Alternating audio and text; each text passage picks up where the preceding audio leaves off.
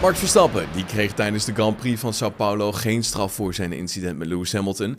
Maar ja, dat kwam misschien wel omdat de stewards van de FIA niet alle benodigde beelden tot hun beschikking hadden. Dit bevestigt wedstrijdleider Michael Masi die nu alsnog alle gegevens gaat opvragen. De stewards hebben het incident tussen Verstappen en Hamilton beoordeeld op basis van de gegevens en beelden die ze op dat moment tot hun beschikking hadden. Ja, dit bleek echter enkel de helikopteropname en de onboardbeelden van Hamilton te zijn. Er ontbrak dus nog het nodige bewijs om eventueel tot een ander oordeel te kunnen komen. Masi die erkent dit. We hadden ze niet voorhanden, maar ze zijn opgevraagd. Ze worden gedownload en dan gaan we ze bekijken, zo zegt hij tegenover de race. Ja, omdat het moment tussen de twee niet verder werd onderzocht en werd afgedaan als een race-incident, hebben de stewards ook de telemetrie van de auto van Verstappen niet bekeken. Ze hebben dus niet de inrijsnelheid, rempunt en stuurbewegingen onder de loep genomen. Nou goed, ondanks dat ze de beelden nog een keer gaan bekijken, zegt Masi dat er niet te veel ophef over gemaakt moet worden. Laten we niet vergeten dat we over het algemeen laatste raceprincipes hebben. Vanuit de beelden die we tot onze beschikking hadden, blijkt dat die filosofie aan de orde was. Lewis Hamilton die heeft na afloop van de Grand Prix een gelboete gekregen. Ja, de Mercedes-coureur deed zijn riem vroegtijdig af terwijl hij nog aan het rijden was. En ja, dat mag natuurlijk niet. Hamilton die krijgt nu een geldboete van 5000 euro en daarnaast een voorwaardelijke geldboete van 20.000 euro. Als hij voor het einde van 2022 nog een keer de fout ingaat, moet hij ook dat bedrag afstaan.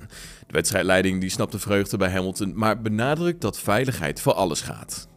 Gaan we door met Sergio Perez, want die is in Brazilië niet verder gekomen dan de vierde plek. De Mexicaanse coureur die stelt dat hij er echt alles aan heeft gedaan, maar dat hij simpelweg niet opkomt tegen de topsnelheid van de Mercedes'en.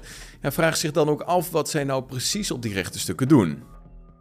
Ja, het was een goed gevecht, maar hij reed op een andere planeet vandaag, reageert Perez na afloop tegenover Ziggo Sport. Ja, kon niets doen. Ik heb mijn best gedaan. En Bottas had gewoon heel veel geluk met die virtual safety car. Hij kon de undercut doen en 5 seconden winnen. Zonder dat we het podium misgelopen zijn. In de slotfase van de Grand Prix dook Perez nog wel naar binnen voor een nieuw setje van de rode band. Ja, hiermee wist hij dat ene puntje voor de snelste raceronde weg te kapen bij Hamilton. Maar goed, toch maakt de Red Bull-coureur zich nog wel zorgen over de snelheid van de concurrentie. Ik weet niet wat ze op de rechte stukken doen, maar ze vliegen gewoon. Hopelijk kunnen we in Qatar competitief zijn. Aldus Sergio Perez. Dan kijken we weer naar het lijstje van de constructeurs. Mercedes die heeft op zondagavond dus goede zaken gedaan in het kampioenschap. En loopt dus uit op Red Bull Racing. En ook Ferrari staat nu stabiel op die derde plek. AlphaTauri en Alpine die begonnen het raceweekend in Brazilië op gelijke hoogte. Ja, Pierre Gasly die wist met zijn zevende plek nog eens zes extra punten binnen te slepen voor AlphaTauri. Esteban Ocon en Fernando Alonso werden achtste en negende en verdienden dus samen ook zes punten voor Alpine.